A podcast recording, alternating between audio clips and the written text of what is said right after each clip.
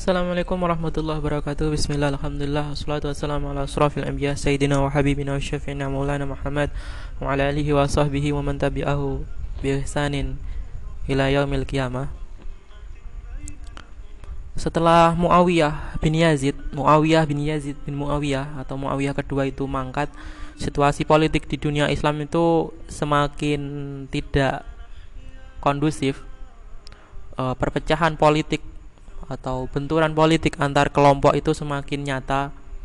Namun masing-masing kelompok itu mereka tidak memiliki kader yang berkualitas, yang memiliki kompetensi untuk didaulat menjadi seorang khalifah. Dan hal ini terjadi bukan karena tidak adanya sosok berkualitas tersebut, akan tetapi lebih kepada perubahan paradigma di tengah masyarakat muslim tentang standarisasi kualitas seorang khalifah.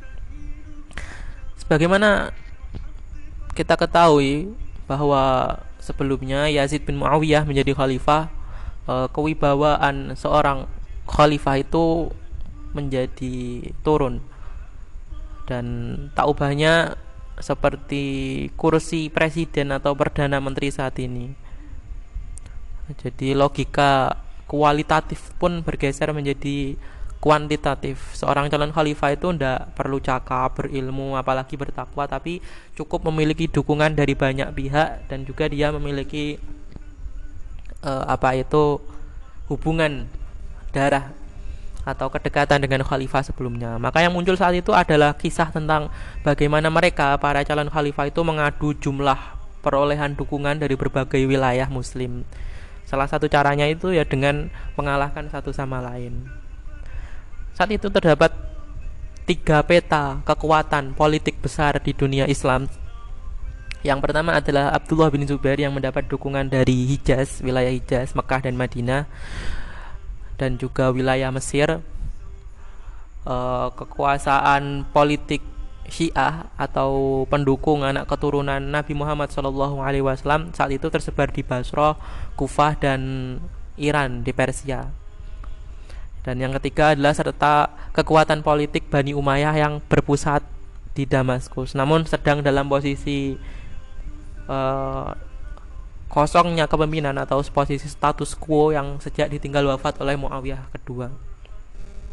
Dan setelah Muawiyah bin Yazid mangkat, maka Abdullah bin Zubair itu nyaris tidak ada pesaing, tidak ada saingan dan ditambah lagi kosongnya posisi khalifah dinasti Umayyah. Meski Bani Umayyah itu secara umum mereka menolak memberikan bayat kepada Ibnu Zubair, namun kepala keluarga Bani Umayyah kala itu Marwan bin Hakam justru memberikan bayatnya secara pribadi kepada Abdullah bin Zubair. Bagi Ibnu Zubair secara politis pemberian bayat itu dianggapnya sebagai hal yang menjamin bahwa kekuasaan kekuatan kekuatan dinasti Umayyah itu tidaklah terlalu berbahaya untuk dirinya. Ya meskipun yang lain keluarga Bani Umayyah yang lain itu tetap menahan bayatnya.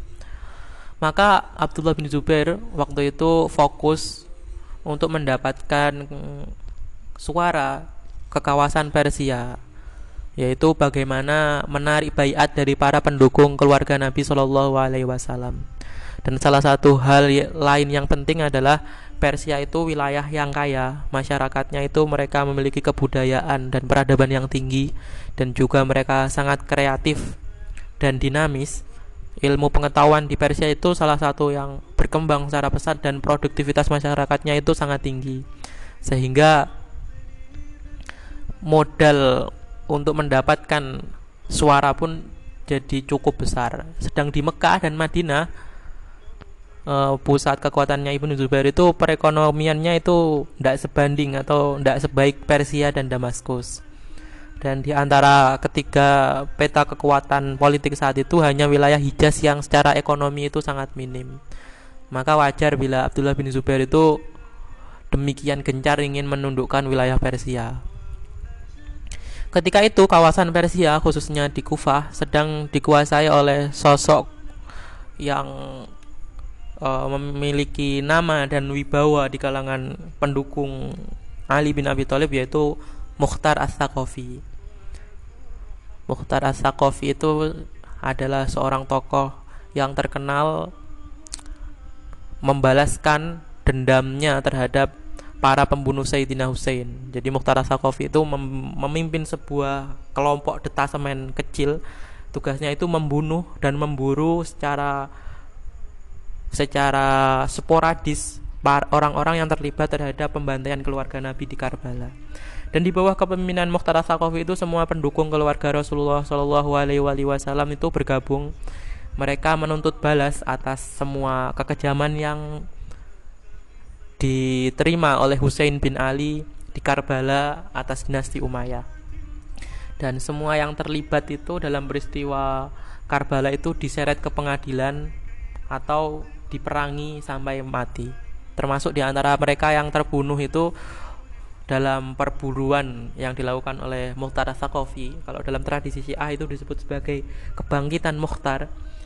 Beberapa orang yang mati di tangan di tangannya pembunuh pembunuhnya maksudnya di tangannya Mukhtar Sakofi itu seperti pemimpin pasukannya saat itu yaitu Umar bin Saad dan juga uh, seorang yang tengah mengaku diri sebagai khalifah itu yaitu Ubaidillah bin Ziyad. Namun akhirnya gerakan Mukhtar As-Saqafi itu dikalahkan oleh Abdullah bin Zubair yang akhirnya berkuasa di kawasan Persia dalam waktu yang juga tidak lama. Sebenarnya ada riwayat yang menyebutkan ketika Abdullah bin Zubair itu dikepung oleh Numair bin Hussein, kepung oleh pasukannya Yazid, Mukhtar As-Saqafi itu berperang di di sisi Abdullah bin Zubair. Tapi kemudian ketika melihat Abdullah bin Zubair itu mendeklarasikan diri, maka Mukhtar Asaqafi itu menarik dukungannya dari Abdullah bin Zubair. Di Damaskus, setelah beberapa bulan terjadi kekosongan kepemimpinan, maka Bani Umayyah akhirnya sepakat untuk mendaulat Marwan bin Hakam itu menjadi pemimpin mereka dengan pengangkatan Marwan itu Marwan yang sebelumnya kita tahu memberikan bayat secara sembunyi-sembunyi kepada Abdullah bin Zubair mencabut kembali bayatnya dan berbalik melawan Abdullah bin Zubair. Khalifah Marwan namanya Marwan bin Hakam itu hanya berkuasa kurang dari satu tahun. Tapi dalam setahun itu dia berhasil merebut wilayah Syam kemudian wilayah Mesir dari tangan Abdullah bin Zubair. Dan saat Marwan wafat Abdullah bin Zubair masih berkuasa di Mekah uh, Marwan kemudian digantikan oleh putranya yang bernama Abdul Malik bin Marwan.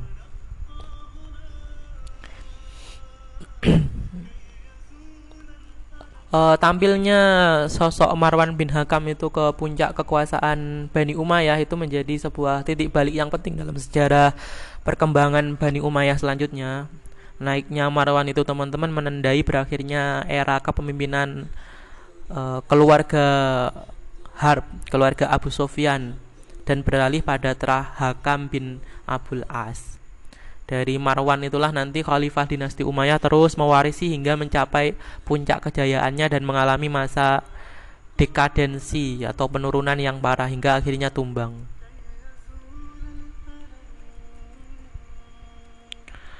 E, menurut catatan banyak sejarawan, baik Marwan maupun ayahnya, Al-Hakam itu adalah sosok yang kontroversial dalam Islam. Bahkan sejak Nabi Wasallam hidup Hakam itu sebagaimana Abu Sofyan itu adalah orang yang masuk Islam pada peristiwa terjadinya penaklukan kota Mekah.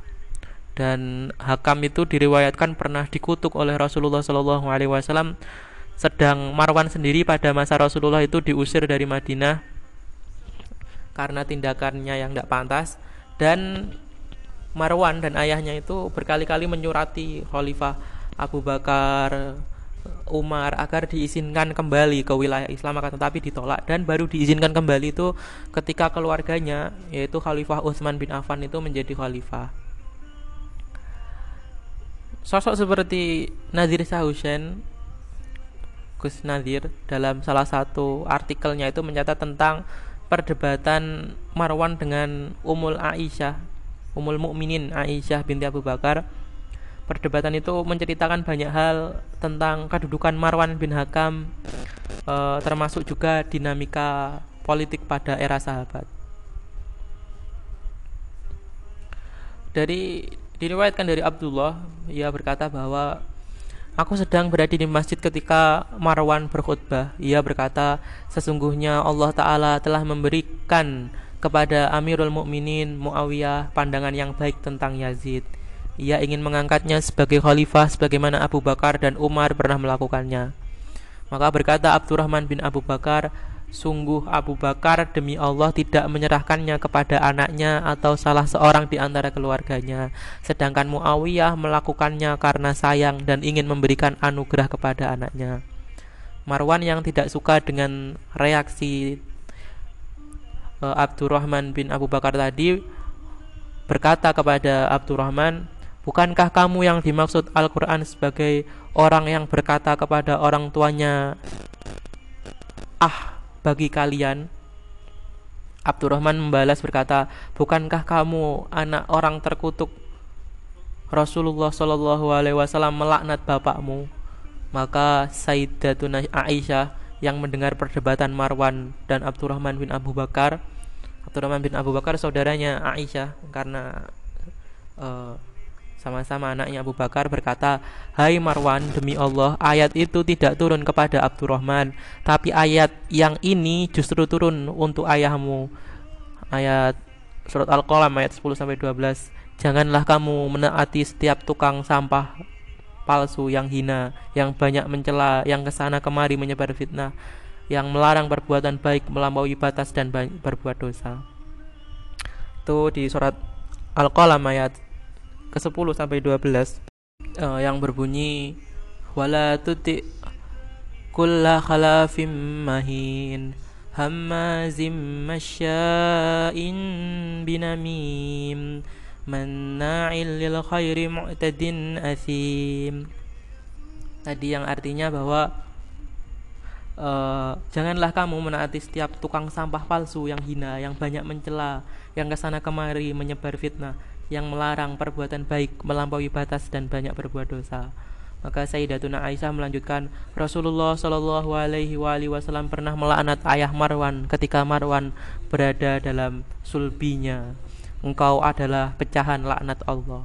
Itu riwayat yang menyebutkan tentang perdebatan uh, yang dikutip oleh Gus Nadir dari Hussein kisah yang terkenal juga jumlah kita tafsir dalam Ahlu Sunnah wal Jamaah menceritakan kisah tersebut dengan berbagai redaksinya seperti uh, tertulis dalam kitab Tafsir Al-Qurtubi, kemudian Tafsir Ar-Razi, kemudian Tafsir Ibnu Katsir dan uh, Tafsir Duror Mansur. Uh, saya kira itu dulu. Di pertemuan berikutnya kita akan membahas tentang uh, khalifah yang uh, pengganti Marwan yaitu anaknya Abdul Malik bin Marwan yang nanti menurunkan para raj, para khalifah setelahnya. Akhirul kalam, Wassalamualaikum warahmatullahi wabarakatuh. Assalamualaikum warahmatullahi wabarakatuh Bismillah, Alhamdulillah Wassalatu wassalamu ala asrafil anbiya Sayyidina wa habibina wa syafi'ina maulana Muhammad Wa ala alihi wa sahbihi wa man tabi'ahu Bi ihsanin ila yaumil qiyamah setelah Muawiyah bin Yazid, Muawiyah bin Yazid bin Muawiyah atau Muawiyah kedua itu mangkat, situasi politik di dunia Islam itu semakin tidak kondusif. E, perpecahan politik atau benturan politik antar kelompok itu semakin nyata. Namun masing-masing kelompok itu mereka tidak memiliki kader yang berkualitas, yang memiliki kompetensi untuk didaulat menjadi seorang khalifah. Dan hal ini terjadi bukan karena tidak adanya sosok berkualitas tersebut akan tetapi lebih kepada perubahan paradigma di tengah masyarakat muslim tentang standarisasi kualitas seorang khalifah. Sebagaimana kita ketahui bahwa sebelumnya Yazid bin Muawiyah menjadi khalifah eh, kewibawaan seorang khalifah itu menjadi turun dan tak ubahnya seperti kursi presiden atau perdana menteri saat ini. Jadi logika kualitatif pun bergeser menjadi kuantitatif. Seorang calon khalifah itu tidak perlu cakap, berilmu, apalagi bertakwa, tapi cukup memiliki dukungan dari banyak pihak dan juga dia memiliki uh, apa itu hubungan darah atau kedekatan dengan khalifah sebelumnya. Maka yang muncul saat itu adalah kisah tentang bagaimana mereka para calon khalifah itu mengadu jumlah perolehan dukungan dari berbagai wilayah muslim. Salah satu caranya itu ya dengan mengalahkan satu sama lain. Saat itu terdapat tiga peta kekuatan politik besar di dunia Islam. Yang pertama adalah Abdullah bin Zubair yang mendapat dukungan dari Hijaz, wilayah Hijaz, Mekah dan Madinah dan juga wilayah Mesir. Uh, kekuasaan politik Syiah atau pendukung anak keturunan Nabi Muhammad Shallallahu Alaihi Wasallam saat itu tersebar di Basra, Kufah dan Iran di Persia. Dan yang ketiga adalah serta kekuatan politik Bani Umayyah yang berpusat di Damaskus. Namun sedang dalam posisi uh, kosongnya kepemimpinan atau posisi status quo yang sejak ditinggal wafat oleh Muawiyah kedua. Dan setelah Muawiyah bin Yazid mangkat, maka Abdullah bin Zubair itu nyaris tidak ada pesaing, tidak ada saingan dan ditambah lagi kosongnya posisi khalifah dinasti Umayyah. Meski Bani Umayyah itu secara umum mereka menolak memberikan bayat kepada Ibnu Zubair, namun kepala keluarga Bani Umayyah kala itu, Marwan bin Hakam justru memberikan bayatnya secara pribadi kepada Abdullah bin Zubair. Bagi Ibnu Zubair secara politis pemberian bayat itu dianggapnya sebagai hal yang menjamin bahwa kekuasaan kekuatan kekuatan dinasti Umayyah itu tidaklah terlalu berbahaya untuk dirinya. Ya meskipun yang lain keluarga Bani Umayyah yang lain itu tetap menahan bayatnya. Maka Abdullah bin Zubair waktu itu fokus untuk mendapatkan suara ke kawasan Persia yaitu bagaimana menarik bayat dari para pendukung keluarga Nabi Shallallahu Alaihi Wasallam. Dan salah satu hal lain yang penting adalah Persia itu wilayah yang kaya, masyarakatnya itu mereka memiliki kebudayaan dan peradaban yang tinggi dan juga mereka sangat kreatif dan dinamis. Ilmu pengetahuan di Persia itu salah satu yang berkembang secara pesat dan produktivitas masyarakatnya itu sangat tinggi. Sehingga modal untuk mendapatkan suara pun jadi cukup besar. Sedang di Mekah dan Madinah uh, pusat kekuatannya Ibnu Zubair itu perekonomiannya itu tidak sebanding atau tidak sebaik Persia dan Damaskus. Dan di antara ketiga peta kekuatan politik saat itu hanya wilayah Hijaz yang secara ekonomi itu sangat minim. Maka wajar bila Abdullah bin Zubair itu demikian gencar ingin menundukkan wilayah Persia.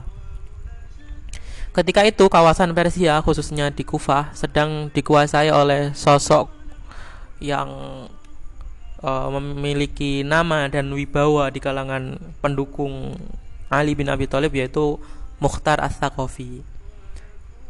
Mukhtar As-Saqafi itu adalah seorang tokoh yang terkenal membalaskan dendamnya terhadap para pembunuh Sayyidina Hussein. Jadi Mukhtar As-Saqafi itu mem memimpin sebuah kelompok detasemen kecil. Tugasnya itu membunuh dan memburu secara secara sporadis orang-orang yang terlibat terhadap pembantaian keluarga Nabi di Karbala. Dan di bawah kepemimpinan Mukhtar Sakofi itu semua pendukung keluarga Rasulullah Shallallahu Alaihi Wasallam itu bergabung. Mereka menuntut balas atas semua kekejaman yang diterima oleh Hussein bin Ali di Karbala atas dinasti Umayyah. Dan semua yang terlibat itu dalam peristiwa Karbala itu diseret ke pengadilan atau diperangi sampai mati. Termasuk di antara mereka yang terbunuh itu dalam perburuan yang dilakukan oleh Mukhtar Sakofi. Kalau dalam tradisi Syiah itu disebut sebagai kebangkitan Mukhtar. Beberapa orang yang mati di tangan di tangannya pembunuh pembunuhnya maksudnya di tangannya Mukhtar Sakofi itu seperti pemimpin pasukannya saat itu yaitu Umar bin Saad dan juga uh, seorang yang tengah mengaku diri sebagai khalifah itu yaitu Ubaidillah bin Ziyad. Namun akhirnya gerakan Mukhtar As-Saqafi itu dikalahkan oleh Abdullah bin Zubair yang akhirnya berkuasa di kawasan Persia dalam waktu yang juga tidak lama. Sebenarnya ada riwayat yang menyebutkan ketika Abdullah bin Zubair itu dikepung oleh An-Numair bin Husain bergabung oleh pasukannya Yazid Mukhtar As-Saqafi itu berperang di di sisi Abdullah bin Zubair tapi kemudian ketika melihat Abdullah bin Zubair itu mendeklarasikan diri maka Mukhtar As-Saqafi itu menarik dukungannya dari Abdullah bin Zubair. Di Damaskus setelah beberapa bulan terjadi kekosongan kepemimpinan maka Bani Umayyah akhirnya sepakat untuk mendaulat Marwan bin Hakam itu menjadi pemimpin mereka dengan pengangkatan Marwan itu.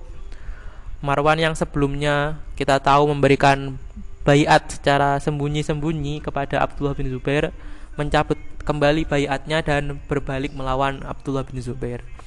Khalifah Marwan namanya Marwan bin Hakam itu hanya berkuasa kurang dari satu tahun. Tapi dalam setahun itu dia berhasil merebut wilayah Syam kemudian wilayah Mesir dari tangan Abdullah bin Zubair. Dan saat Marwan wafat Abdullah bin Zubair masih berkuasa di Mekah e, Marwan kemudian digantikan oleh putranya yang bernama Abdul Malik bin Marwan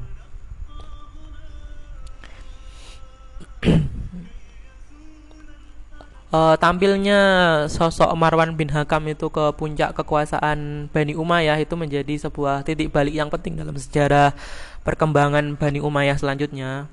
Naiknya Marwan itu teman-teman menandai berakhirnya era kepemimpinan uh, keluarga Harb, keluarga Abu Sofyan dan beralih pada Terah Hakam bin Abul As.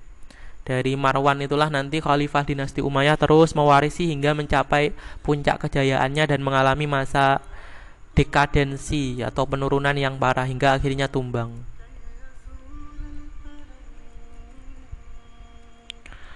E, menurut catatan banyak sejarawan, baik Marwan maupun ayahnya, Al-Hakam itu adalah sosok yang kontroversial dalam Islam. Bahkan sejak Nabi Alaihissalam hidup Hakam itu sebagaimana Abu Sofyan itu adalah orang yang masuk Islam pada peristiwa terjadinya penaklukan kota Mekah.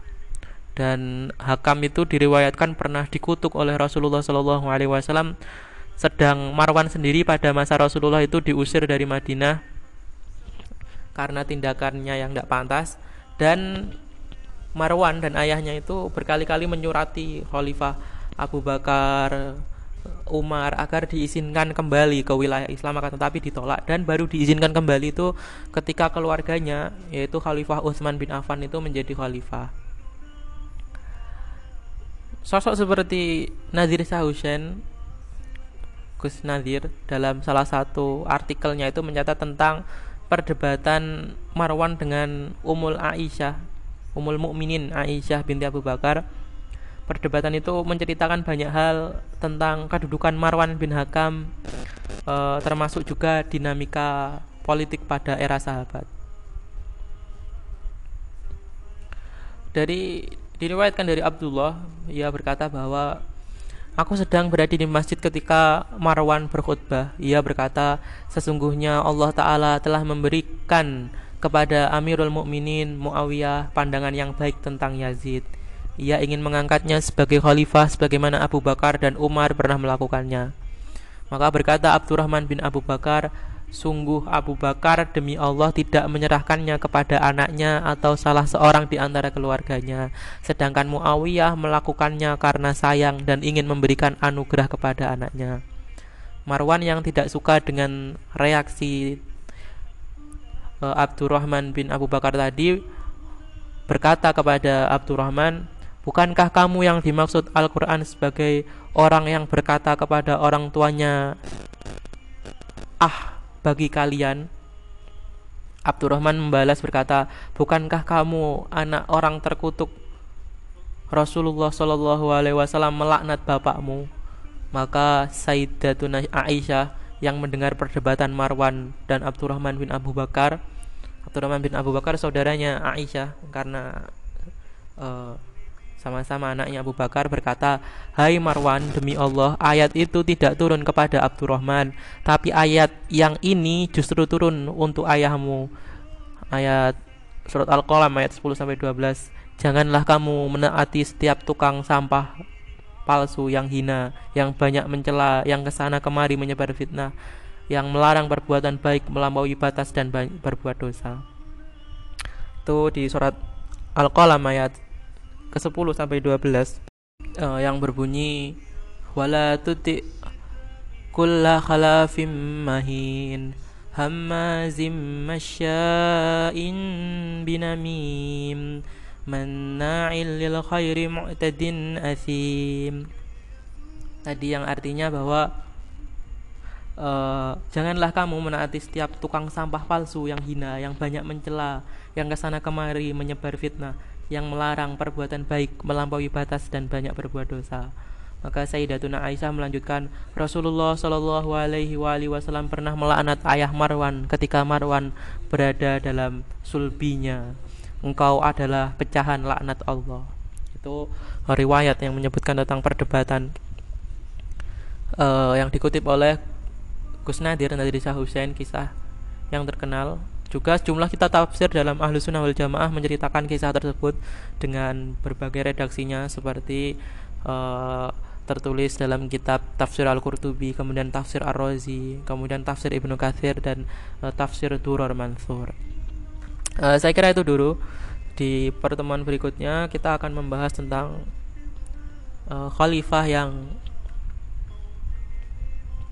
uh, pengganti Marwan yaitu anaknya Abdul Malik bin Marwan yang nanti menurunkan para raj, para khalifah setelahnya. Akhirul kalam, wassalamualaikum warahmatullahi wabarakatuh.